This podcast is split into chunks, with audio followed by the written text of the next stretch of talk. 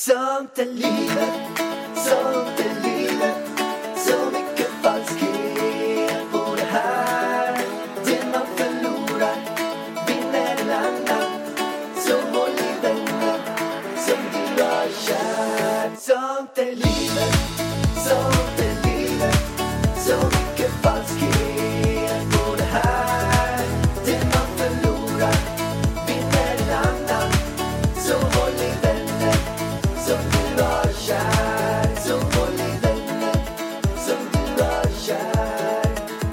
Varmt välkomna till Sånt är livet med Alex och Ida. Alex och Ida. Ja, Hur står det till med dig idag, din sjukling? men alltså det har ju varit bättre för det skulle jag ju kunna säga. Den här veckan har ju inte varit den bästa veckan i mitt liv. Och Du har haft en katastrofal vecka skulle jag kalla det. Ja, det skulle jag faktiskt också säga det. Jag har inte mått så här dåligt. Jag kommer inte ens ihåg när jag har mått så här dåligt innan. Vi, eh, ja, nej men jag var ju hemma över påsk här. Eh, och eh, umgicks med min familj, det var supertrevligt. Det var bara det att min kära älskade pappa hade influensan. Eh, och jag bara shit, alltså nu ska jag bo med honom i fem dagar. Han var dödssjuk. Och när man är gravid så har man ju sänkt immunförsvar också. Så jag bara det här kommer ju inte sluta bra. Och sen så började jag så här efter någon dag och bli lite tjock i halsen. Jag kände mig lite hängig och slö. Och så var det typ i tre dagar. Jag bara men jag kanske blir smittad fast på en mildare nivå. Det blir inte värre än så här. Sen så tog jag tåget upp till Stockholm, fotade med Lisa och grejer och sen så dagen efter bara boom, där kom febern, där kom all hosta och skit och jag mådde pissdåligt så då mådde jag jättedåligt i influensa där i typ två dagar. Och sen så började jag bli frisk, jag bara yes, äntligen så kan jag kanske ha en normal jobbdag. Men Då blev det baboom. Vaknar upp, mår piss, jag känner lilla Mini sprattla i magen och det känns inte så himla nice. För att lilla Mini sparkar på mina tarmar så, och jag mår piss illa, går upp. Jag kräks alltså sju gånger på två timmar. Eh, och eh, ja, jag mådde riktigt, riktigt dåligt. Men sen efter det, det, det, jag är ju säker på att det är ju inte magsjuk jag hade. Utan det var väl någon mag, matförgiftning eller någonting. För att efter jag hade kräkts sju gånger där då så eh, ja, men började må bra liksom och blev hungrig. Jag bara, det blir man ju inte när man har magsjuka, inte jag i alla fall. På typ två timmar. Nej, så att det gick ju över. Men jag känner mig väldigt svag här efter en vecka med influensa och eh, eh, matförgiftning. Ja, vad tufft alltså. Du tycker, jag tycker synd om mig Ja, va? jag tyckte jättesynd om dig. Jag var ju och köpte nyponsoppa till dig, blåbärssoppa och allt sånt där. Men, men du, när du eh, kräktes sju gånger i rad. eh, om, så första gången då sp- spydde du upp all mat. Men det finns folk som har spyfobi här. Ska vi gå Okej, in i mina okej, spyor okej. nu? Men de sista gångerna då var det bara galla i alla fall. Då var det ingenting kvar kan man säga. Nej men det gjorde ont liksom. Men det var väl att min kropp ville se till att eh, det jag hade käkat då som var dåligt här skulle ha kommit upp ordentligt. Och eh, det, hade gjorde det det. gjort. Perfekt. Så nu känner jag bara, nu kan det bara bli bättre och jag vill ju be om ursäkt från början här ifall jag hostar i ett öra. Men vi gör den här podden, vi har skjutit fram den nu flera, flera dagar för att min röst ska komma tillbaka och det blir inte bättre än så här. Alltså vi har skjutit fram själva inspelningen Ja, av podden så att podden släpps eh, exakt samma söndag som den alltid gör. Men nu är det på lördag så vi, vi spelar nästan in, det är bara några timmar till vi ska släppa den här kan man säga. Så, vilket det också är svinkul. Det är, det är så live det bara kan bli. Jag har inte följt med dig på påsken, men någonting som jag saknar lite grann med påsken är vad jag minns av när man var liten, att man, man gömde så här godis och påskägg i, i eh, hela eh, lägenheten eller huset. Minns du någonting av det? Nej men vi i Åmål så firar man påsk på ett helt annat sätt. Jag vet inte men jag, eh, hur resten av Sverige firar påsk. Men i Åmål så klär man ut sig till ja, men påskkärring eller vad man nu vill klä ut sig till. Man går påskparaden och där så får man också godis av kommunen. Jättemysigt, jättetrevligt. Ja, bra att kommunen bjuder på godis. Ja, supertrevligt är det verkligen den där dagen. Och sen så går man hem, då har man som barn då förberett massa påskbrev. Så man har haft det väldigt, väldigt stressigt i eh, den senaste månaden. För att då ska man till alla sina kompisar åka runt med påskbrev och de här påskbreven viker man som trekanter och lägger ner godis i påskbreven. Så man åker runt och så kastar man de här påskbreven till alla sina vänner och förhoppningsvis får man tillbaka minst lika många postbrev. Men är det då man gör det här? För jag hade, när, när, när du var borta nu så var jag hemma i Stockholm. Då plingade det på dörren. Och då såg jag, jag bara, vilka är det som plingar nu? Och sen kom jag ut så står det två sådana här eh, påskkärringar utanför. Som är där, sju år gamla eller något sånt där. Och, och då stod de där med något kort de gav mig. Och jag bara, tack för kortet. Jag, jag visste inte riktigt vad jag skulle göra. Först visste jag inte om det var godis eller bus. Om de skulle bara, okej om jag inte. Jag bara, jag har ingen godis hemma. Men det är ju det Och- som är så jag- tråkigt i Stockholm, jag- de gör ska ju jag- inte det här. Ska jag ge dem, eller kommer de, jag funderar på om de skulle lägga, men så som vi gjorde när vi var små, att vi eh, la smällar i brevlådan eller kasta in så här ruttna äpplen och sådana grejer. Om de skulle ha någon typ av bus, men det, det gör man Det på låter påsken. ju som halloween det här. Ja, kan vara ett halloween också. Eh, nej men det ska man väl inte, alltså jag, jag kan ju bara Åmåls påsk.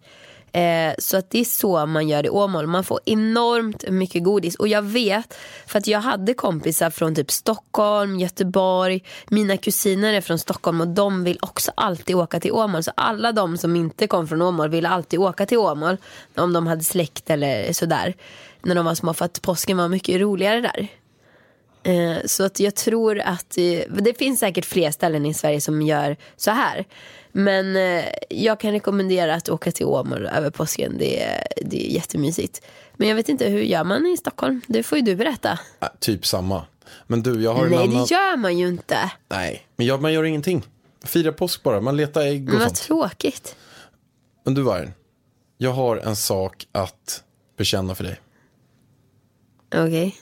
Jag har en sak som har känts lite jobbig, eller lite jobbig, den har känts väldigt, väldigt jobbig till och med. Eh, och eh, jag tänkte att jag ska berätta det här. Men du och jag har ju varit gifta nu i några veckor, Typ en vecka. typ en vecka ja. Eh, och, och det, två.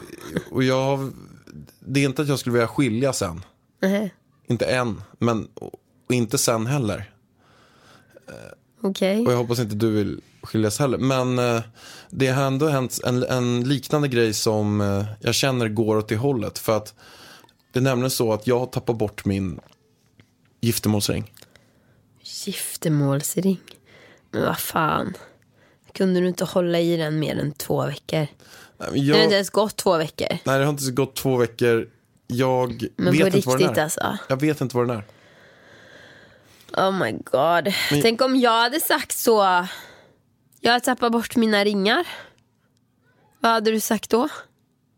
Alltså Det är vårt kärlekslöfte till varandra. Men alltså, vet, du, får ju, svindrygt, du men- tar ju av dig den hela tiden. Det är inte konstigt. Ja, jag vet. Det, det blir, jag är inte van att ha på mig ringen så att i alla lägen så tar jag av med den och pillar med den. Så sätter jag på mig den, tar av och pillar med den. Sitter jag på lunch så tar jag av med den och pillar med den. Och sen rätt vad det är så var den bara borta. Jag har ingen aning. Nej, du tar av dig och lägger den Jag kan lägga den på... någonstans. Och du, du, bara som en grej här nu. Du tappar ju bort hela ditt liv hela tiden.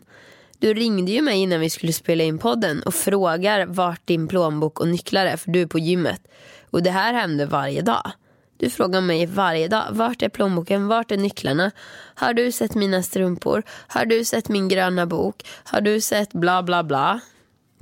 Så att en liten ring, jag är inte förvånad. Nej, men inte jag heller. Jag trodde ju att jag skulle tappa bort den. Men jag trodde inte att det skulle gå ungefär en, två veckor. Men du ska köpa en ny antar jag? Jag har redan beställt en ny. Bra. Och då kommer du ha den på dig hela tiden. Jajamän. Bra, det är ett bra tips kan jag säga. Det är svinbra. Ta inte av dig den. Det ska jag inte göra. Good. Men vi skulle också vilja tacka alla som har ratat upp oss, alltså gett oss fem stjärnor på iTunes. Så jäkla schysst och skrivit så himla många omdömen. Och jag tänkte att vi kan läsa upp eh, två omdömen, eller vad säger du Varn? Ja, alltså det är helt sjukt vad mycket fin feedback vi har fått. Ja, otroligt roligt verkligen. Det glädjer en sjukling här borta. Den ena lyder så här. Jag har aldrig riktigt lyssnat på en podd för jag har känt mig uttråkad att, att bara höra och inte se. Men nu har jag lyssnat på Sånt är livet och det är bland det bästa jag lyssnat på i hela mitt liv. Sånt är livet är verkligen så himla bra. Jag tycker alla ska lyssna på den. Ser verkligen fram emot nästa avsnitt. Stor kram och grattis till graviditeten från mig. Kram. Alicia. Alicia. Åh, vi gillar Alicia. Tack så mycket Alicia. En annan skrev så här. Bästa podden jag lyssnar på. Får sådana skrattattacker att jag inte kan ha människor runt omkring mig för de tror jag är ett psykfall. Ha ha ha. Kram.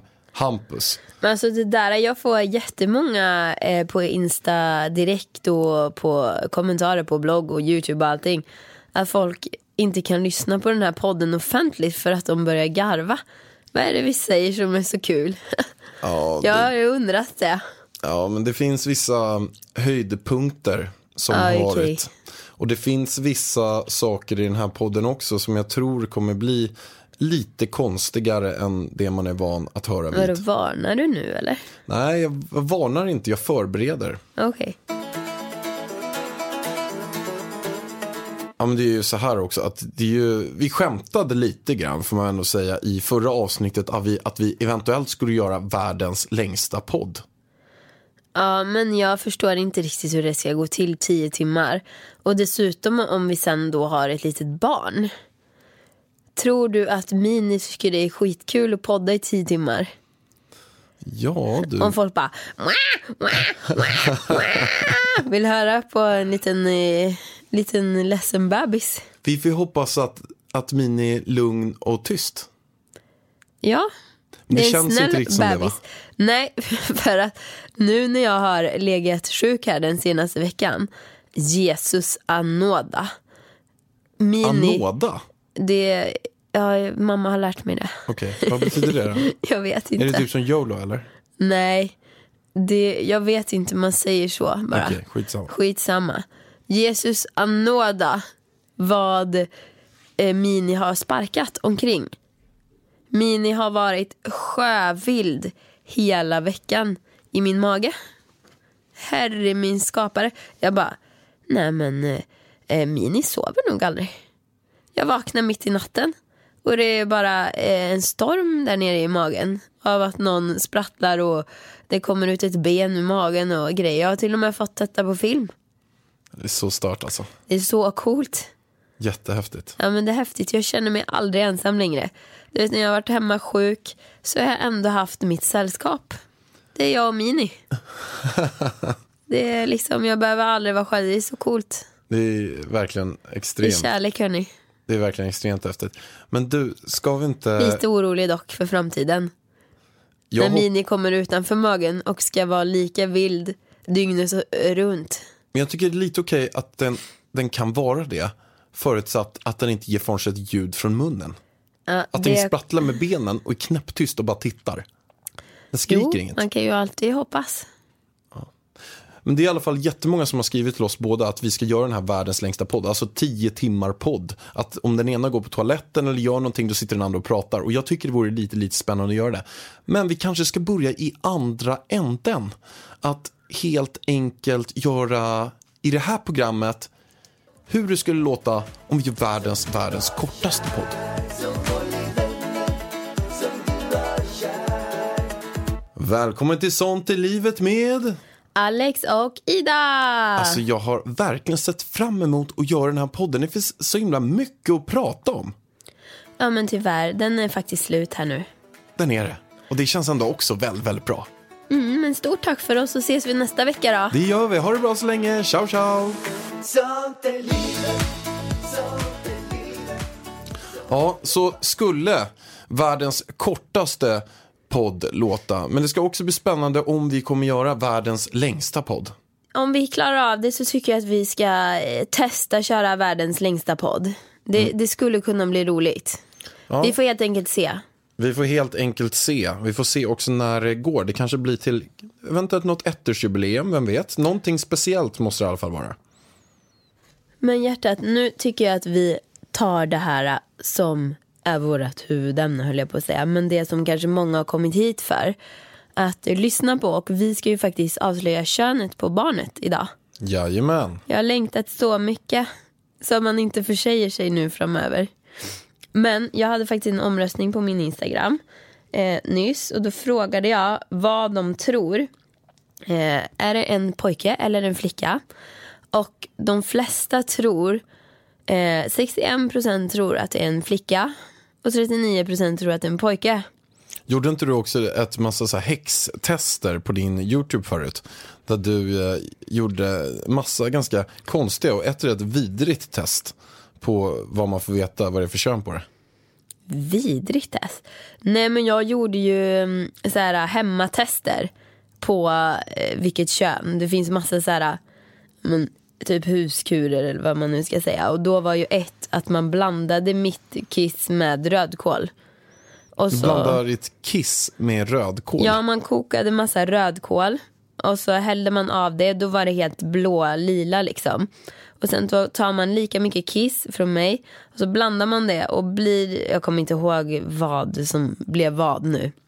Men eh, enligt det så var det en flicka. Och sen så tog man typ kinesiska kalendern och enligt den så var det en pojke. Sen skulle man typ ha vigselringen över magen så att om den cirkulerar var det en flicka. Om den pendlar var det en pojke och ingenting funkar för ena stunden pendlar den och andra stunden cirkulerar den. Så att då blev det tvillingar typ. Nej jag skojar. Jag vet inte men enligt testerna, det var väldigt väldigt jämnt men enligt utslagsfrågan så blev det en flicka. Men annars var det 50-50. Så att det har varit väldiga diskussioner här. Eh, Men när du hade den där koppen med rödkål och urin men framför varför dig. är du så himla nyfiken, intresserad av mitt urin? Nej men, eh, hade du, fick, var det någon tanke som slog dig någonstans att så här, jag dricker upp det? Är du sjuk i huvudet eller? Verkligen inte. Nej. Nej. Men vet du vad jag har hört? Att urin är bland det re, renaste som finns. Ja men då kan du väl börja dricka det då. Det är väl bara att börja dricka ditt kiss då om du känner att det är trevligt. Nej, jag har... Jag tänker inte göra det i alla Nej, men fall. det var mer att jag blev chockad. Jag kollade på det där så då slötittade lite grann. Varför du rätt för det, chockad? nej, men rätt för det så kommer det upp ett glas med urin bara. Men jag fattar inte. Vad gör lite kiss? Ha? Vad är det för farligt att visa lite kiss? Och jag visade det inte ens. Jo, det gjorde Nej, du. Du jag höll höll för lite men man såg. Ja men du såg lite gult. Ja, men det, det, det Ja men åh vad Sen farligt. blandade du det Vet du, också. alla människor kissar faktiskt. Alla människor har urin. Alla människor har säkert, varför är det så tabu? Ha? Mer kiss åt folket. Mer kiss, alltså, det är väl en helt normal Men sak. skulle du kunna göra samma sak? Vi säger så här, att det var ett test som du ska göra på, sam, på exakt samma grej. Men de har sagt så här, okej du ska blanda rödkål med avföring. Hade du gjort det? avföring luktar ju inte det är prima. Ska jag liksom eh, visa det? Ja, det kunde jag ha gjort, men jag hade ju inte tagit fram en bajskorv liksom. Hade jag inte. Nej. Och Vi visat. Vi hoppar vidare. Men varför? Nu kommer vi av sidospår. Vi ska avslöja könet på vårt barn. Och grejen är så här, jag kan säga som så här. Att jag har från första stund, det kan du intyga, varit 100% säker på att det är ett kön. Och det är det könet det faktiskt också Ja, är. och, och jag hade blivit sjukt förvirrad i min hjärna om det inte hade varit det här könet när vi var på rutinultraljudet. Eh, jag vet inte för att det spelar någon roll. Det, jag hade blivit lika glad för båda olika könen. Men eftersom jag kände så starkt att nej men det, det är det här könet är. Men nu måste vi köra. Ja, Vad är det? gud.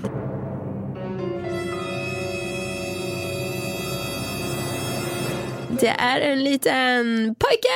En pojke! Eller det, i och för sig, det skulle ju kunna. Alltså det är ju inte hundra procent säkert. Men då måste de ha något väldigt, väldigt konstigt där. För de såg att det fladdrade Nej, någon de skinnbit. såg att nej, Det gjorde de ju. fladdrade en skinnbit. Du, man ser inte att något fladdrar. Du såg att det var någonting där mellan benen. Man såg en typ en millimeter liten eh, grej mellan benet som stack ut pyttelite. Han är lik sin far. Lik sin far. Jag visste att du skulle säga det. alltså, nej men jättekul. Så jag har roligt. alltid liksom, om jag har alltid sagt så här. eh, Ska jag bli mamma någon gång, då kommer det bli till en liten pojke. Och jag tycker det känns så himla roligt. Det känns jättekul om det var en flicka också. Men jag vet inte, det känns bara som att jag är en pojkmamma. Men vadå pojkmamma? Eh, är det, nu kommer du ha Nu kommer du ha två pojkar att hålla reda på. Mig och lilla minipojken. Ja, Hur känns det? det kommer bli jag och Mini som kommer hålla ordning på dig. För du är fan inte uppfostrad. Du är fan inte uppfostrad. Nej, men visst. jag och Mini kommer lära dig att ställa in i diskmaskinen. Det gör jag ju. Jag och Mini kommer lära dig torka av bordet. Det gör jag också. Okej. Ja, ja. Okej, okej. Nej, men det känns jättekul. Hur känns det för dig? Jag tycker det känns eh, jätte, jätteroligt. Du var ju såhär, nej men jag tror det är en flicka. Jo, men jag, på något sätt har det varit så här att jag har känt att om det skulle vara en flicka så blir det lite lättare att gulla med. Av någon anledning så, så känns det mer lättare att gulla med en liten flicka än att det är som kille och gulla med en liten pojke. Men det där kommer säkert gå över typ 24 timmar och sen kommer man vilja pussa och gulla på den där hur mycket som helst. gud, ja. Men det är bara den spontana känslan att så här, pappas lilla flicka, att det känns lite så här gulligt. Pappas lilla pojke känns kanske inte riktigt lika så här gulligt. Va? Mammas lilla pojke. Mam- Mammas lilla pojke. ja. Ja men det känns svinroligt. Det känns jättekul. Jag ser fram emot så här, jag får så vissa så bilder i mitt huvud.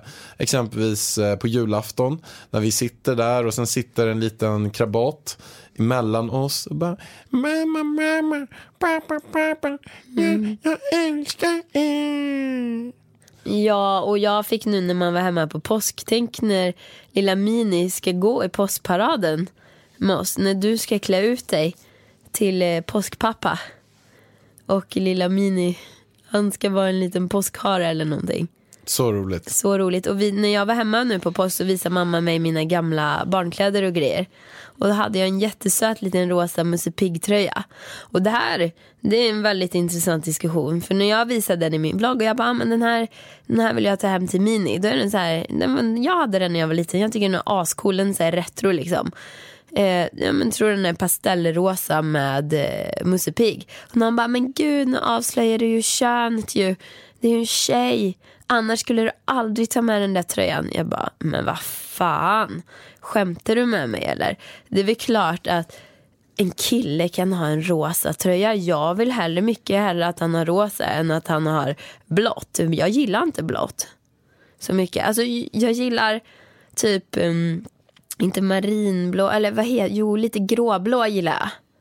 Men jag gillar mera i sådana fall grönt, gult, rosa, grått, grått och vitt. Det hade jag kört om det var en tjej också. Älskar grått och vitt. Men är det några grejer som du tänker på nu när det blir en pojke som du säger att ah, men det här är ett läge som är lite läskigt, lite speciellt.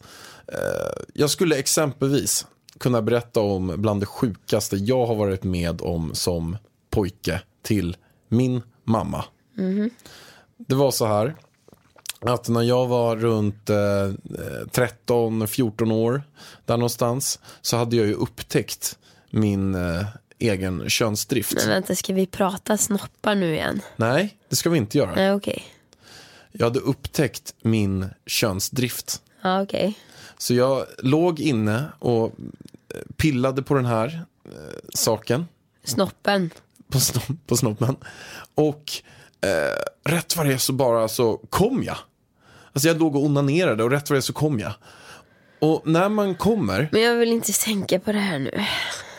när man kommer så kan det bli så att man kan få ett litet rus av trötthet. Vilket gjorde att jag hade byxorna nere, låg inne på mitt pojkrum, byxorna nere vid knäna och hade det här trötthetsruset vilket gjorde att jag somnade. Och jag somnade och min mamma började skrika då Maten är klar, maten är klar Men jag hörde ingenting. Vad gör då mamman? Och i det här fallet skulle det kunna varit du. Knacka på dörren, jag öppnar inte. Öppna dörren och se mig ligga med alltså byxorna vid knäna och snoppen i handen och en, en sats på magen. Var du verkligen 14? Nej, kanske 11, 12, Ja 13. men precis, det här måste ju hända innan 14 annars. ja, det känns ju som 27? att... Nej, nej men jag, kan, jag vet inte, jag kanske var någonstans där 11, 12, 13, jag vet 14, 15, 16, 17, 18. Nej. Men, och då när jag kom ut sen till middagen, då sa min mamma så här, du eh, David tvätta händerna. Och jag visste ju inte att hon hade sett mig då, för hon öppnade ju, kolla, stängde dörren direkt. Jag bara, vadå? Hon bara, nej men jag såg vad du eh, höll på med där inne. Eh, jag, jag skämdes, jag höll på att dö, alltså, jag höll på att dö. Det var så jäkla pinsamt alltså. Ja, Vad det... hade du gjort om Som den här mamma? lilla, lilla Mini hade... Du kommer in. Alltså den här kommer också få massa testosteron i kroppen och ligger där och onanerar på rummet medan du och liksom bakar bullar. Ja, det är väl en naturlig grej. Han får väl onanera hur mycket han vill. Men vad känner du inför det då? Att du kanske går in i rummet när, när han ligger där? Och... Men jag får väl för fan se till att knacka. Eller någonting innan. Man vet ju att i den åldern så kan det ju ske. Då får man väl se till att knacka. Och skulle jag komma in, nej men då skulle jag väl eh, låtsas som ingenting. Låtsas som ingenting. Nej men vad ska jag ta upp? Ja, eh, låg du där och onanera, lilla pojken? Vad ska han säga? Ja, det gjorde jag mamma. Ja, vad bra. Det är naturligt, säger jag då. Ja, men du, det jag Va? funderade på, Hur i, ska man reagera? vet du förresten när man, Men jag menar, ja, men det händer ju samma sak med tjejer också. men har du varit med om det? Att Det din ju- pappa kommit in och du har liksom Nej legat inne? sluta, nej. Det är kanske att killar är lite mer korkade. Är det korkade? Nej men alltså att, nej men till exempel att de eh, gör som du, somnar med kuken i handen höll jag på att säga. det, Jag hade ju inte direkt somnat utan täcke med handen mellan benen. alltså när jag vet att mamma och pappa är hemma. Det hade ju aldrig skett. Har du varit i någon sån pinsam situation någon gång när du var yngre? Nej, aldrig faktiskt. Är på riktigt. Man får ju tänka efter lite innan man gör något. Okej, men hade du när du var yngre, hade Det du... känns som att det här händer ju bara med killar. Ja, det händer nog mer med killar i alla fall. Men du, Vargen, du får inte undvika alla frågorna. Hade du, hade du någon typ av hjälpmedel när du var yngre? Du menar om jag hade en dildo? Ja, eller någon Absolut typ inte. av geisha-kula eller något sånt. Nej, verkligen inte. Vad, vadå verkligen? Är det för att det inte, man inte ska ha det? Att du tycker att det är fel för de som har det? Eller? Nej, man får ha det om man vill men kanske inte när man är 10-11 år. Ja, då kan man väl få upptäcka sitt kön med sin egen hand. Ja, okej. Nej men nu tycker jag inte att vi pratar om Nej, nej, onani nej. mer i Vi, det här vi avsnittet. är ju Alltså jättelyckliga. tänk när våran lilla son ska höra det här avsnittet. Nej, men vi pratar ju om eh, vad för eventuella situationer som kan dyka upp med att vi har fått en hane. Ja men grejen är att det, det är ju samma situationer som händer med en hona också. Ja, men det, Honor, det, det här tycker jag, ho- honor, varför kallar vi för honor och hanar? Då som vi pratar om djur, i och för sig vi är djur. Skitsamma. Honor är också sexuella varelser. Det vill jag understryka här. Honor onanerar också. Jag tror exakt lika mycket många gånger. Och gör man inte det, nej. Det behöver inte vara fel. Men då kanske det är för att man är rädd. För att, för att det inte är lika tillåtet hos honor. Vilket jag tycker är väldigt, väldigt dumt men du, någonting som är väldigt speciellt. Jag tycker honor ska onanera lika mycket som hanar. Ja, det är mer onani till, till världen. Men, men du, det jag tycker faktiskt är väldigt eh, speciellt i det där och kan vara en liten grej att hanar, de kan ju komma ganska snabbt och ganska lätt. Alltså, så jag tror att hanar kommer lättare än vad honor gör. Tala för dig själv. vill jag säga. Jag tror att man... Men, tror, men, nej men så är det ju. Det finns ju, det finns ju, det finns ju inte en sett. enda kille som inte har kommit en enda gång. Nej men det vet inte jag. Men det finns det på tjejer. Ja men det tror jag också har med tabu att göra. Att man kanske inte då, för det är fult för en tjej. Alltså, killar, alltså jag har varit väldigt mycket, när jag var yngre var jag kompis med killar mest. Och jag har ju fått sitta med, de pratar ju öppet om, ah, nu har vi varit inne och rungt, de eh, onanerar ju i grupp till exempel. Bulle, runka bulle Ja, men en vad är det för lek. grej? Det skulle ju aldrig tjejer Man göra för att det är så personer- tabu liksom. Tio personer framför en bulle och den som kommer sist får äta upp bullen. Klassisk lek man gjorde när man var liten. Alltså ni hör ju. Ja, nej. Poddtips från Podplay. I podden Något Kaiko garanterar östgötarna Brutti och jag, Davva, dig en stor dos skratt. Där följer jag pladask för köttätandet igen. Man är lite som en jävla vampyr. Man har fått lite blodsmak och då måste man ha mer. Udda spaningar, fängslande anekdoter och en och annan arg rant. Jag måste ha mitt kaffe på morgonen för annars är jag ingen trevlig människa. Då är du ingen trevlig människa, punkt. Något Kaiko, hör du på Podplay. Därför är gardinerna. Så, så gör inte tjejer. Och det är kanske för att det är lite mer tabu. För att en tjej är det fult att onanera. Liksom, man pratar inte ens om det med tjejkompisar. Så du pratar inte något som... Aldrig gjorde, eh, gjorde vi det. Alltså, jag tror jag tog upp det någon gång med någon tjejkompis som bara, men gud vad äckligt. Och jag bara, jaha. Alltså det, det, det är inte alls på samma nivå. Och det tycker jag är fel. Är lite med kulturen kanske, att tjejer ska inte prata Och det om kanske är sånt. därför att många tjejer inte heller kan komma för att de kanske inte har utforskat tillräckligt mycket själva. Förstår du vad jag menar? Ja, De har inte lärt sig hur, det, hur- hur de själva fungerar. Så kan det vara. Sen så kan det vara andra saker också. Faktiskt. Men eh, ja, vad var det vi ville komma med det här? Vi pratar fortfarande om vårt barn. Vi pratar om våra barn och vi är jätteglada att det är en liten pojke vi ska få. Det känns så himla kul. Jätteglada är vi. Jag tror, att, jag tror att han kommer bli så mammig. Att jag redan nu är lite så här, inte arg, men inte glad. Du är lite avundsjuk menar? Avundsjuk ja. Ja. Jag är lite så här, men liksom, okej. Släpp mamma nu. Kom Alltså till jag pappsen. tror, eh, vi har ju då planerat att vi ska vara eh, 50-50 med barnet. Eh, det kan bli, det beror ju lite på hur det fungerar med amning och sånt. Jag, jag har aldrig haft ett barn förut som ni vet. Så jag vet inte hur man gör. Alltså jag vet inte hur man ammar. Jag vet inte hur man delar upp det. Hur mycket måste jag vara med honom? Kan jag pumpa ut mjölk så att du kan ta hälften av amningen?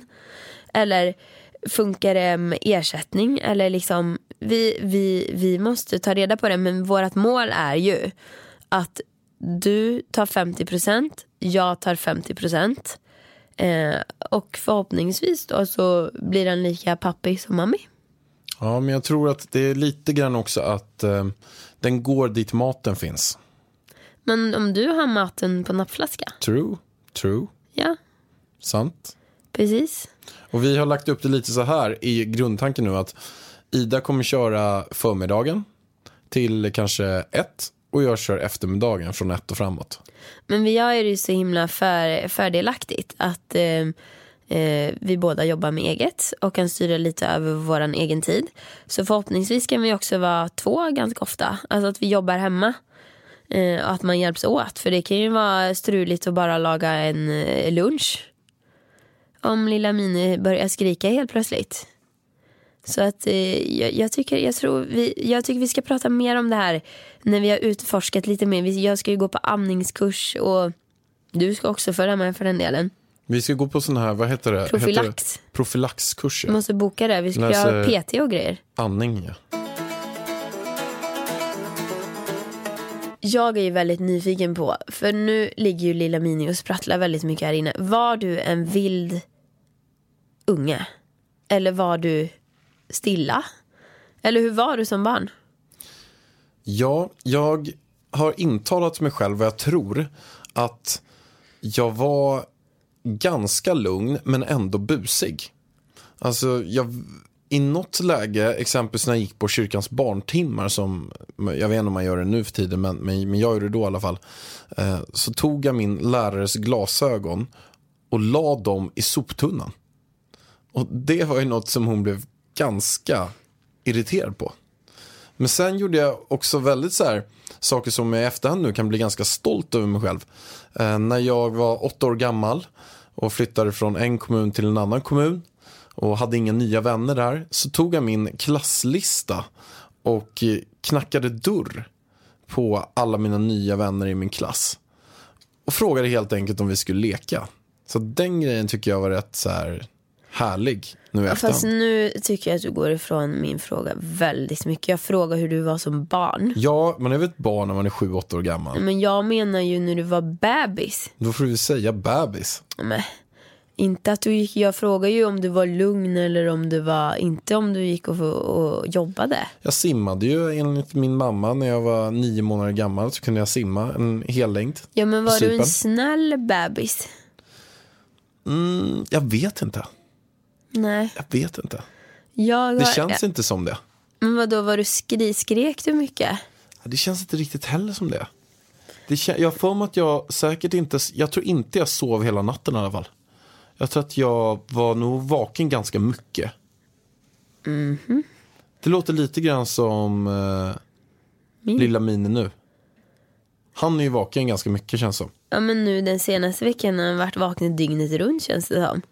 Han sprattlade sprattlat jättemycket där inne men jag vet i alla fall att jag var en, en snäll bebis som åt och sov och jag skrek inte jättemycket.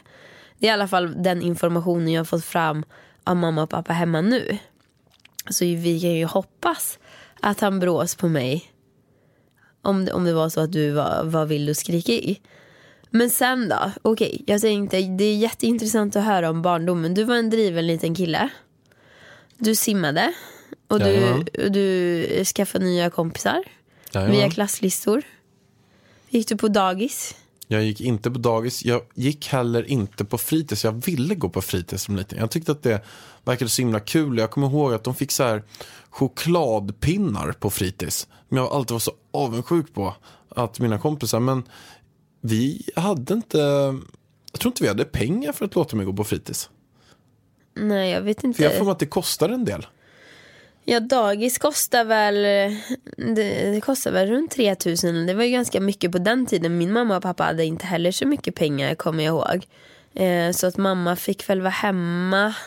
Jag gick på dagis och på fritids och jag älskade det båda och. För jag tyckte jag älskade att sitta där inne själv och pyssla. Och när man fick ha fruktstunder och allt vad det nu var. Eh, Jag minns inte att jag hängde så jättemycket med andra barn just på. Fast det gjorde jag säkert också.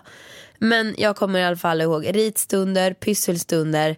Alltså jag tyckte det var så himla roligt. Men att jag frågade mamma och pappa nu. och De sa att ja, men det var väldigt dyrt på den tiden. Det kostade typ lika mycket då som det gjorde nu. Och då så hade man, alltså då var ju pengar värd mycket mer liksom. Så mamma var nog hemma med mig kanske en till två dagar i veckan och så var det farmor och farfar som hämtade mig någon också.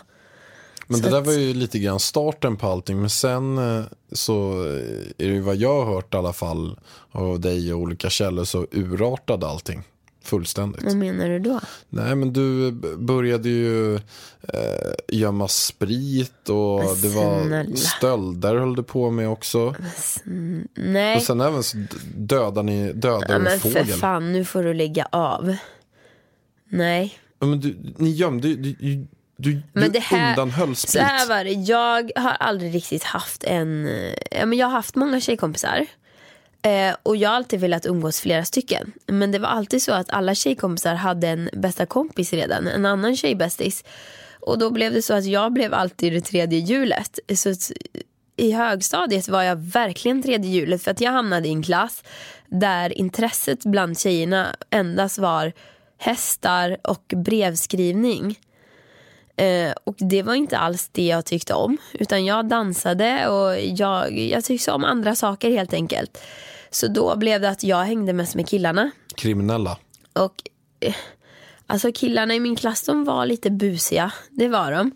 Och det var så att ja, de kanske snattade en hel del saker. Och då blev det ju, jag snattade aldrig någonting. Men jag kollade ju på, eller inte kolla på, men de gömde snatterigrejerna hemma hos mig.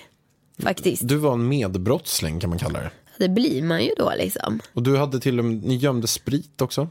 Nej. Snodde nej, sprit nej, från nej, dina nej. föräldrar. Ja, snodde sprit av föräldrarna. Den behövde vi inte gömma. Den fick vi ju dricka upp med en gång. Men det var ju lite senare. Det var ju typ i nian. Eh, men först de här killarna då, de snodde öl och grejer. Och sen så jag kommer ihåg att de gick in och så frågade de alltid Ida vill du ha någonting? Jag bara, ja men en choklad.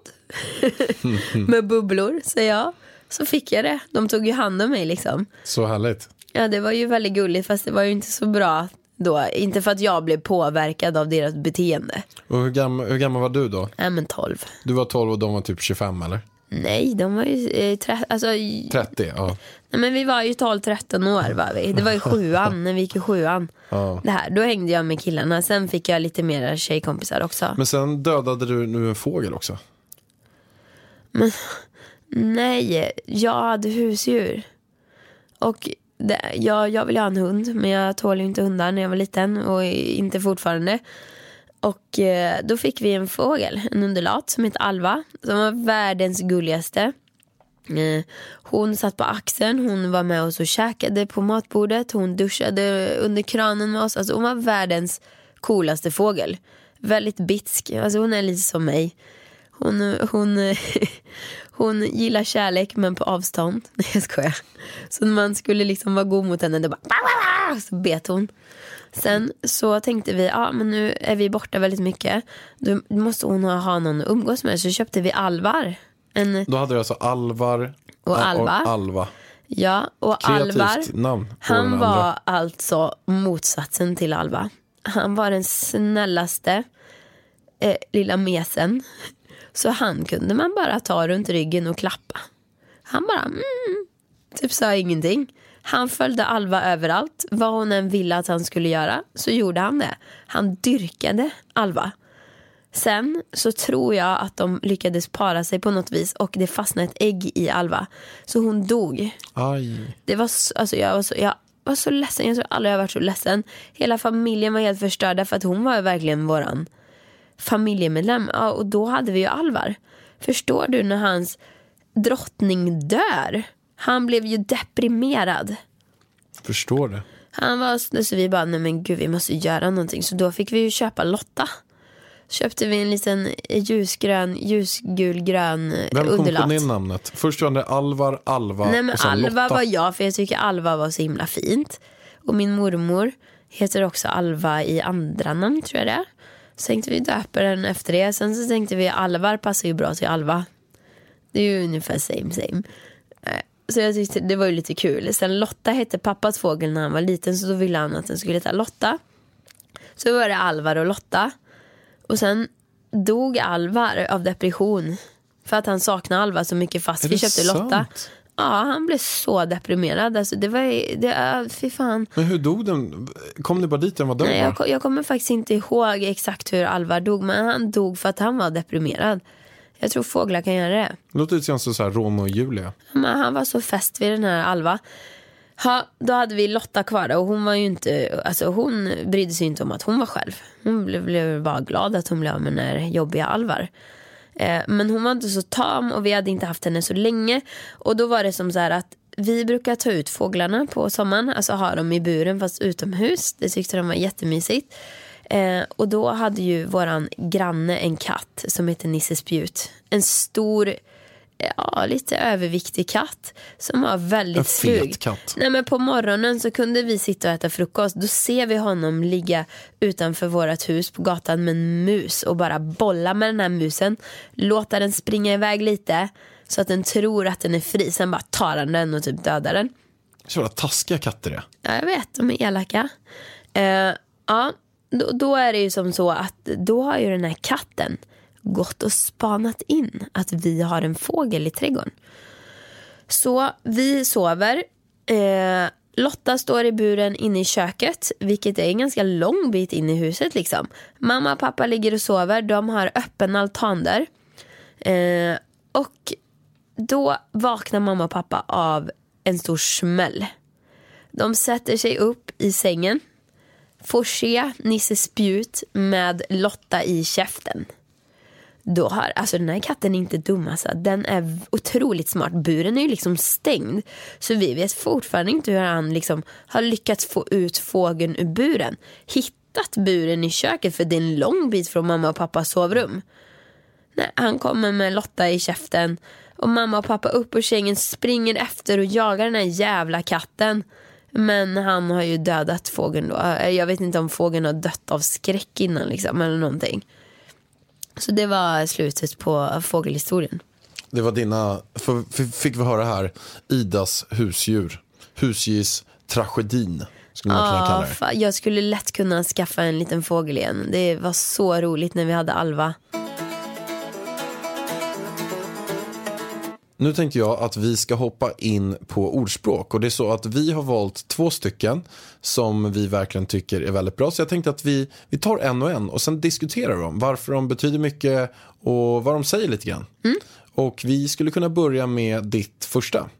Det här ordspråket då, det är mitt semesterordspråk. Jag tänker på min sommarstuga i Bengtsfors som vi precis nu har sålt så att nu blev jag lite ledsen i ögat. Men i alla fall, det lyder. Idag ska jag inte göra någonting. Jag gjorde det igår men jag blev inte klar. Den är jättehärlig ska jag. Ja, jag älskar det ordspråket. Det speciellt när man är där på semester liksom. Så ser man, för det, för det ordspråket hängde där i Bengtsfors. Och då var det på ett vykort med en liten groda. Jag har ju fotat det och skickat, jag har lagt ut det på Instagram och det spred sig som en löpeld. Ja, men den är så Alla la upp den där grodan sen.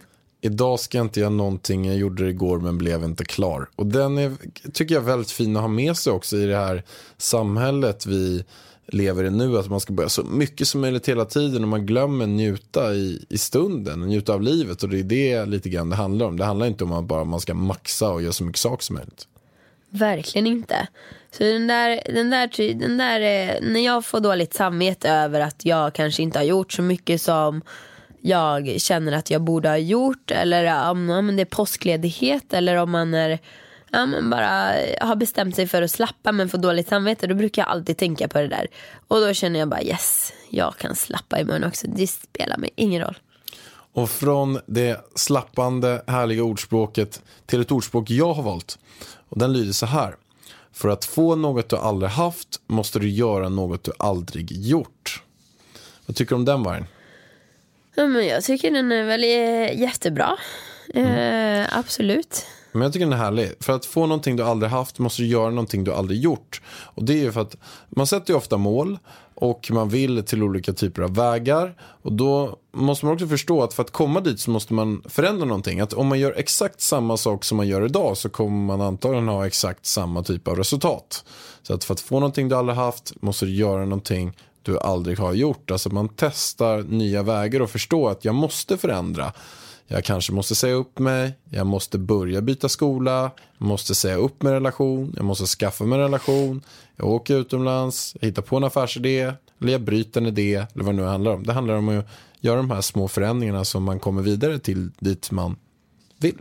Mm, jättebra. Ska jag ta mitt nästa nu här? Det, och den här, det här ordspråket eh, hörde jag ju när Therese Lindgren sa det i din podd. Hårt jobb vinner alltid över talang när talang inte jobbar hårt. Och den här stämmer verkligen och jag har ett exempel på det. För att det var verkligen så när jag var med i Floorfiller. Och då var väl inte jag, jag, jag kan säga som så här. Jag har aldrig varit en stor talang inom dans. Utan jag har typ jobbat mig till det. Visst, jag hade takten, taktkänslan, Min, inom många dansstilar så var det så här. Oj, jag suger. Jag måste göra någonting åt det. Och så var det verkligen när jag var med i Floorfiller. Då hade jag enbart dansat discodans innan. Och det var typ motsatsen till allting annat vi gjorde. Och när vi skulle köra street dance för första gången där inne i Floorfiller. Min första gång jag ska dansa street dance liksom. Och får en sån här riktigt jävla svår koreografi. Då är det alltså en en kille från LA som heter Annes. som jag blev helt kär i där inne. Jag tyckte han var så cool för han hade koreograferat till Britney Spears och allt vad det nu var. Så fick vi alla varsina koreografier av honom. Eh, och jag var då partner med Sean Banan. Sean Banan, han, eh, han var ju streetdansare men han hade aldrig tagit koreografin än Så både jag och Sean, alltså när han Annette gav oss koreografin, han bara eh, Ja, vi kunde inte ett enda steg efter typ två timmars eh, lektion med honom, privatlektion. Alltså vi skämdes så mycket så vi bara fick ju filma in honom. Sen så var det andra par, eller typ alla andra par bara snappade upp den här, deras koreografi hur snabbt som helst. Och så var det ett par som han verkligen så här, man fick ju se det i efterhand i tv. Liksom bara, de här är så bra, shit de kommer liksom vara grymma, de kommer rocka allting. De kommer vara bäst. Så hade vi kanske två dagar på oss att öva innan vi skulle visa upp koreografierna igen. Jag och Sean, vi köttade järnet. Alltså vi stod från morgon till kväll, nötade in koreografin, gick igenom liten detalj för detalj. Eh, och så kommer vi tillbaka då efter två dagar och den här eh, koreografen från LA höll ju typ på att tappa hakan. Han bara, vad är det som har skett där? Alltså vi hade utvecklats liksom från sopor till att klara av koreografin i alla fall. Eh, medans de här talangerna, de hade ju bara, ah, men det är lugnt, den här eh, koreografin satte vi med en gång liksom. Så de, de såg exakt likadana ut som när de fick koreografin. Och då, då kommer jag ihåg att den här koreografen, han blev så jävla förbannad på dem. Att han bara slösa bort den här talangen, inte öva, inte träna. För att han såg att liksom vi som sög, vi hade ju tränat som fan och liksom börjat gå om dem. Och sen när det väl var veckofinal så vann vi också över dem. Så bra. Ja, Hårt jobb, alltid talang talang inte jobbar hårt. Den är, den är bra. jag kör alltid på den liksom. För att jag känner inte att jag har någon speciell talang överhuvudtaget.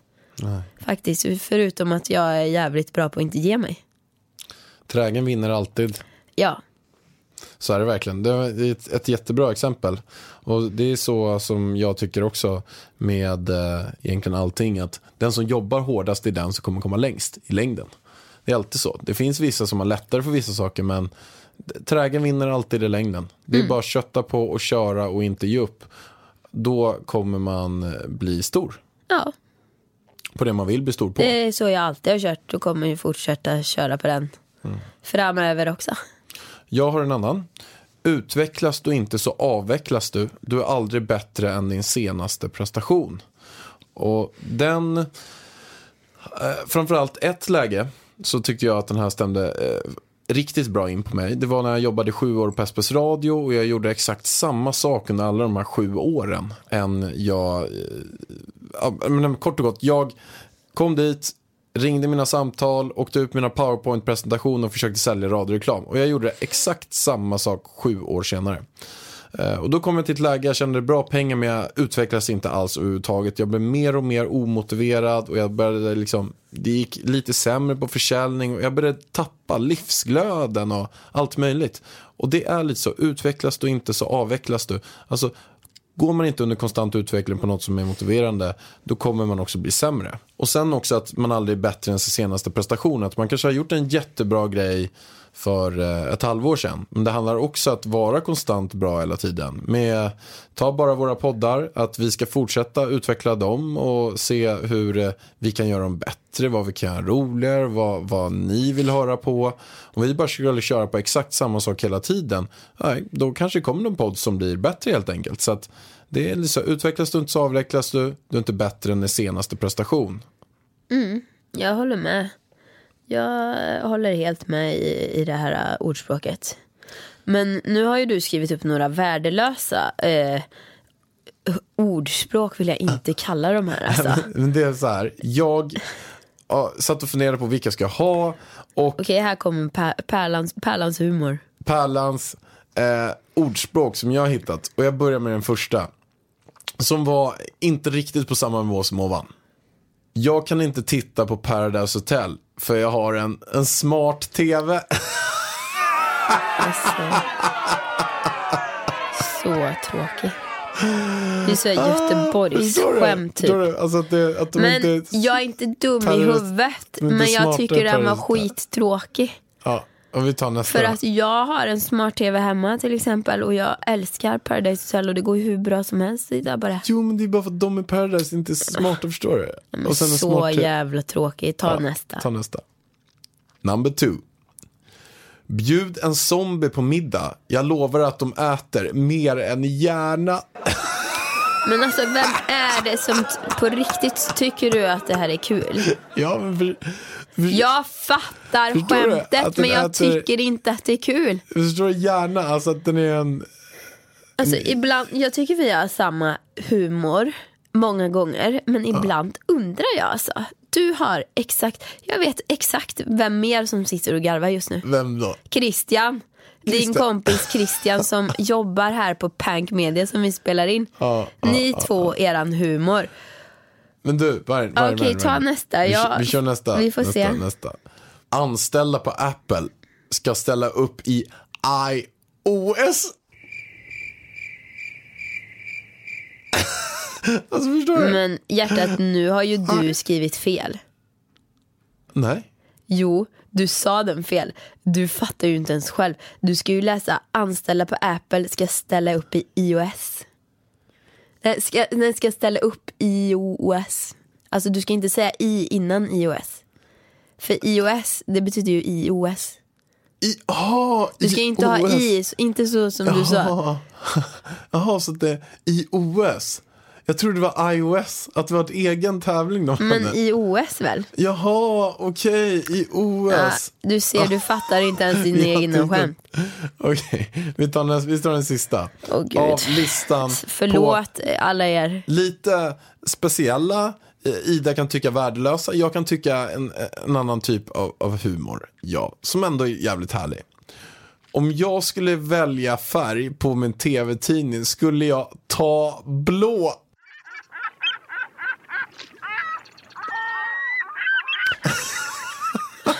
Nej, alltså förlåt för den här avstickaren. Här. De här skämten var det tråkigaste jag hört. inte. Förstår du sista? Ta blå, alltså tablå. Jag förstår. Men jag tycker att det är så fruktansvärt tråkigt skämt. Om jag skulle välja på Jag tycker till och med att. Göteborgs skämt är roligare. Men, dra något skämt som du tycker är kul då. Nej, jag kan inget. Jag tycker väldigt få skämt är roliga. Jag kan säga att jag tycker, jag är bara skadeglädje. När folk ramlar, det tycker jag är jävligt kul att se på. Elakt. Jag vet, jag kan inte hjälpa det. Du och din kompis Fia, va? Inte ni Nej, så? det är jag och min kompis Alexandra. Som, alltså vi har så likadan humor. så vi kan sitta och skicka klipp till varandra. När folk ramlar, det är så roligt. Alltså det, det och när Fia, det är ju Fia som ramlar. Med våran kompis Fia, hon har gjort de bästa ramlingarna ever. Jag har dem i mitt minne. Så när jag mår dåligt kan jag tänka på dem. Och på något ställe, det inte står de här skämten, men det står jättemycket andra bra grejer är i framgångsboken som man nu kan beställa på Bokus Adlibris. Har du beställt din framgångsbok, Varen? Självklart, jag har den hemma. Härligt. Redan, jag fick den innan den kom. De absolut bästa tipsen från de här 200 intervjuerna jag har gjort. Så att det får ni faktiskt gå in och beställa. Den är riktigt, riktigt bra. Gör det, för den är faktiskt, jag har läst, jag har läst en stor del av den, den är superbra. Och de får väl din, eh, du skriver väl någon hälsning också? Ja, jag ska sitta och signera 10 000 böcker. Mm. För jag, som jag förstår det tar det fem dagar. Det ska bli väldigt speciellt. Veckans Men nu går vi över till eh, en liten frågestund här. Vi har fått in så mycket frågor. Ni kan fortsätta mejla in frågor till idavarg.idavarg.se. Men eftersom min röst inte är den bästa så får du äran att läsa frågorna idag hjärtat. Jag läser frågorna. Då börjar vi med första frågan. Hur tog du beslutet att sluta med dansen? Och hur var den resan? Har du någonsin ångrat dig? Har du några råd om man vill fortsätta att jobba med kroppen men på ett sätt som är mer finansiellt hållbart? Det känns som att den frågan var riktad till dig. Ja, men den är till mig. Ehm, och eh, ja, det är ju en lång historia egentligen hur jag slutade med dansen. Men jag tar den lite kort och det var att eh, jag började dansa när jag var sju år eh, och har alltid tänkt dans är någonting roligt för mig. Och jag har alltid haft inställningen den dagen dansen inte är glädje för mig. När jag liksom känner ångest och eh, att det är ett måste. Då, mm, då kommer jag sluta med dansen för att eh, Ja, nej, dansen vill jag bara ska vara kärlek, inte bara kärlek. Det är klart att man måste ju svettas och, och kämpa igenom många jobbiga träningar och så. Men man har ändå en passion, en glädje för att ändå göra det. Men och sen så har man ju självklart under åren dippar att när det här känns piss. Då slutar man inte. Men när det hade varit liksom känts dåligt i något år och glädjen inte kom tillbaks. Allting var bara ångest. Och jag tror att det hände liksom när dansen blev ett yrke. För då blev det så här, gud, som press, jag måste tjäna pengar och det går ju knappt att tjäna pengar på dans som hon skriver. Så Eh, hobbyn blev ett yrke och det gjorde att det Ja. också pajade hela glöden, pajade allt bara. Ja men på grund av att när det blir ett yrke så måste du fjäska för de personer du absolut inte vill fjäska för. Oftast är det så här, men olika koreografer, sådana som sitter inne på tv-jobb och du måste gå på auditions och liksom det blev för falskt och i den branschen, i och med att det finns så otroligt lite dansjobb i Sverige så blir det att det finns väldigt många dansare som vill ha de där dansjobben och då blir det inte en trevlig miljö i bland ens kompisar för att det är dansarna som man söker med, det är ju ens kompisar. Och när, när man liksom inte kan umgås som kompisar längre utan att det blir så här, ah, man blir avundsjuka på varandra, folk ser ner, pratar skit bakom ryggen. Det blir inte en rolig miljö. Så det var en kombination av att dansglädjen försvann och att jag var skadad. Och att jag var så jävla trött på att vara pank. För att jag var luspank efter Balettakademin. Jag låg på minus, jag kommer ihåg det. Jag, jag ringde mamma och bara snälla kan jag få låna 100 kronor av dig den här veckan för jag måste typ köpa någon mat eller någonting. Då, jag bara kände när jag gick förbi restauranger, när jag såg folk sitta och äta och trevligt en fredagkväll. Jag bara alltså jag önskar att jag också kan, kan göra det en dag. Så jag, jag bara, det var en kombination av allt. Och att jag i den vevan också sökte ett jobb till Allermedia. Det var, det var faktiskt Alex här som pushade mig till det.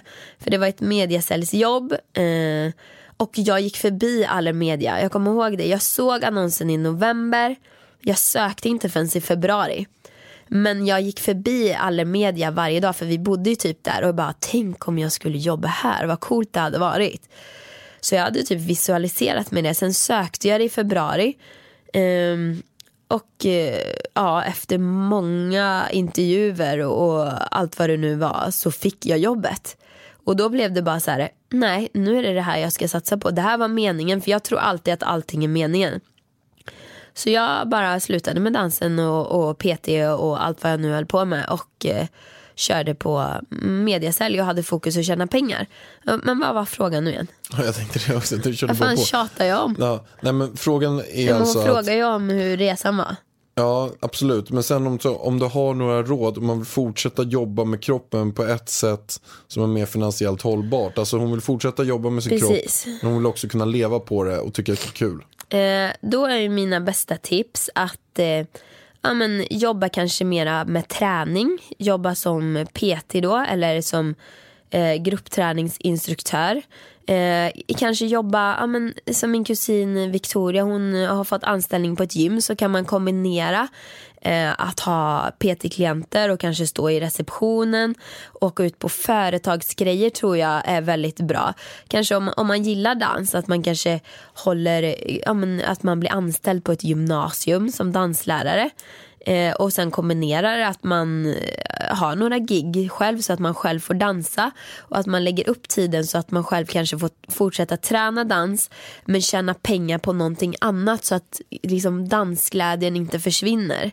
Men det jag tror man kan känna mest på det är väl om man drar ihop egna eh, ja, men gruppträningstillfällen där man kan få in många personer, köra hårt i några veckor, så här bootcamps typ, eller eh, bli anställd av företag inom träning och hälsa. Det tror jag. Ett gäng härliga råd Och hon frågade och också om tips. jag ångrade eh, att jag slutade dansa och det, det gör jag inte. Eh, det gör jag absolut inte. Eh, dock så saknar jag ju att dansa ibland.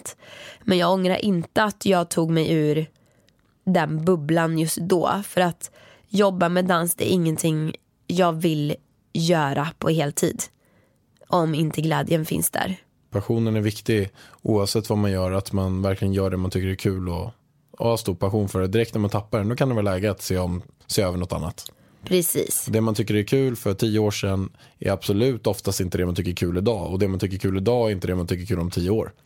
Men nu så är ju jag, jag har ju bara varit lite lat nu. För att jag skulle ju kunna gå och ta, jag skulle ju kunna gå och träna dans. jag skulle kunna ta proffsklasserna som är mitt på dagen om jag bara lägger om mitt schema. Så efter lilla Mina har kommit kanske jag ska ta tag i det här med dansandet om jag hinner. Det tycker jag. Då har vi en till fråga. Jag träffade en kille fram och tillbaka i tre år, några månader i taget förstås.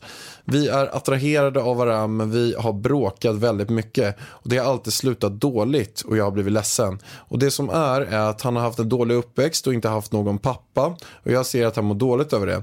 Men det kan gå ut över mig för att han är jätteosäker som person. Jag försöker vara den bästa men det är ej tillräckligt. Jag har svårt att gå vidare men man ska vara med en person som gör en glad förstås och ibland är det inte så enkelt. Har ni no något tips till mig? Hade Alexander svårt med relationen på grund av sin uppväxt och sin avsaknad av sin pappa? Blir man osäker på grund av uppväxten då? Eh, Ja, den är ju mer riktad till dig den här frågan. Ja, men exakt. Eh, och jag kan bara ta till eh, vår relation. Jag hade ju en, en strulig uppväxt och vad har då kostnaden varit för det? Ja, men det finns mycket fördelar med det kan jag säga också. Jag har fått ett jäkla driv. Att man har fått klara sig själv väldigt mycket och åkt på vissa svårigheter som gör att vissa svårigheter idag kanske man inte känner är lika tunga. Men det har också gjort att eh, jag har haft svårt att ta in någon annan på, på huden, på kroppen, alltså På djupet. på djupet. eh, vilket det kan också vara med den här killen. Att han kanske har svårt att ta in, eh, du som skrev det här, eh, till sig själv. Varför det kan göra att ni bråkar eller att ni inte kommit varandra kanske så pass nära. Och det är bara att kolla på mig och Idas relation. Alltså det tog, vi var ihop i sex år och egentligen så hände typ ingenting. Eh, vi hade ingen lägenhet ihop, vi bodde ihop. Du köpte dina lägenheter på sidan och vi skulle kunna köpt tidigare. Men jag kände inte riktigt att jag eh, eh, på något sätt vågade ta det steget. Och det var mycket för att jag var rädd att förlora allting. Eh, inte för att Ida skulle kunna göra att jag förlorar, men jag var så rädd att äh, men nu har jag byggt upp allt det här. Jag har gjort det själv och jag, jag vågar inte få in någon innanför min mur jag har runt omkring mig. Eh, och det kan ha varit en sak som jag har fått med mig därifrån. Något som, eh, att jag har blivit rädd att bli lurad. Jag har blivit rädd att, eh, det här är mer allmänt också för att säga, inte bara mot Ida. Så jag har blivit rädd att bli blåst, jag blev rädd att förlora allt det jag har byggt upp. Och det har gjort att jag har haft en liksom, extra stor barriär eller mur kring mig. Så att så kan det kanske vara för honom också. Absolut. Det, det, det har ju varit eh, så. Jag, jag ser ju som vårt förhållande verkligen att det är i två olika delar nästan. Eller flera olika delar. Du, jag har ju verkligen sett en utveckling hos dig. Och det har ju varit, det kanske har varit bra liksom att vi träffades ganska unga och har varit tillsammans men vi har ändå haft väldigt olika liv. Jag har ändå gett dig mycket tid. Liksom att, eh, ja men jag ville hålla handen till exempel. Kommer du ihåg i början? Du vägrade hålla mig i handen offentligt. Nej, det kändes bara Och eh, fel. ja, men jag är ju en sån person som jag tyckte det var lite roligt att reta. Så när du puttar bort min hand då blev inte jag. Många tjejer hade säkert blivit väldigt ledsna och liksom stötta och sådär. Men jag brydde mig inte, inte så jättemycket. Ja, men jag tyckte på något sätt när vi gick ut och gick promenader så tyckte jag att Men du har haft väldigt problem. Att, att, att hålla handen. Jag bara tyckte att det kändes jättejobbigt. Nej, och sen typ när vi har träffat andra par i början och de kanske har pussat varandra och varit gulliga mot varandra. Det är inte så att nej, du, du liksom skulle aldrig pussa mig inför någon annan i början. Nej. I början, då pratade vi Ja. alltså, nu har vi varit ihop i sju år, då pratade vi om kanske två, tre första åren. Där någonstans. Ja, så det har ju tagit det långsamt liksom. Det har tagit lång tid innan du litar på mig eller vad man ska säga. För jag ville ju köpa lägenhet med dig ganska, alltså inte ganska tidigt, efter fyra, fem år. Då.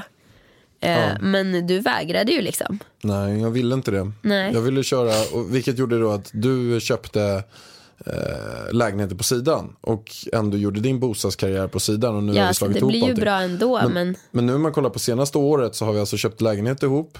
Vi har nu en, en liten eh, pojke ihop som kommer snart. Och sen så är vi också gifta. Och även har vi varit förlovade och jag har hunnit fria. Så nu har det börjat hända. Så att för min känsla är lite grann, man satsar 10% extra på förhållandet och det har blivit typ 100% bättre. Ja, och ett råd till henne då om hon verkligen vill vara ihop med den här killen så kanske man ja, men ska försöka förstå honom bättre. Alla är ju olika Och alla kanske inte kan ge 100% med en gång. Eller vad säger du? Vad har du för råd till henne? Mitt råd skulle vara så här att antingen så är han i en process som jag har varit. Eh, och den processen kan vara lång och då är frågan om hon ska orka vänta. Ja, och då är frågan om hon ska orka vänta på den eller inte och hur bra det är just nu. Eh, om det är så att hon just nu vill ha barn, hon vill köpa lägenhet, hon vill göra det här, hon vill det här. Ja, men då kanske det är fel eh, person för han kanske inte är där riktigt än. Och det kanske han också är för att han kanske vill känna eh, dig bättre då. Så att jag hade nog eh, i, Alltså, jag hade inte hoppat in i det där att jag kan förändra den här personen. Att så här, ah, men jag ska hjälpa den, jag ska förändra den. För det tror jag bara kommer gå fel. Att det här är en förändring som sker av, av, av honom själv. I den takten som han vill och känner sig mogen för att göra det. Så att man ska nog inte ta på sig något typ av uppdrag i, i det. Men, men jag tror som så här, bara så här. Känns det bra, då kan man vara ihop. Och känns det inte bra, så är det slut. Och frågan är om det här känns tillräckligt bra mer fördelar än nackdelar. Ja, men då är det bara att fortsätta. Men är det mycket mer nackdelar, bråkar jättemycket och det känns inte bra. Nej, men då kanske inte ni är rätt för varandra just nu. Nej, men för vad- många kan ju ta upp, illa upp personligen. Liksom. Ah, men han vill inte hålla mig i handen. Eh, det är för att jag är en dålig person. Jag är inte tillräckligt bra flickvän. Du vet, om man börjar fundera mycket av sånt och mår dåligt då kanske det inte är rätt liksom, just för dig att vara ihop med honom. Eller hur? Ja, men verkligen. Så att kort och gott, känns det bra, fortsätt. Är det mer, är det mer positiva saker än negativt? Det, det är en ganska viktig parameter man kan tänka på. Och, och vad är det värsta eller bästa som kan hända? Jo, det är att det skulle kunna ta slut nu, men ni kan också bli ihop i framtiden. Precis. Ja, Pärlan. Det var väl det vi hade att bjuda på idag. Ja, det var en liten salig blandning av massa. Men jag tycker att det var ett, ett jättehärligt samtal med eh, massa skoj. Och det blev faktiskt ett lite längre avsnitt den här gången också. Så det är bra, vi sätter en ny poddstandard. Vad i hela fridens dagar. Det är väl trevligt, jag älskar långa poddar. Så jag hoppas att ni också gör det.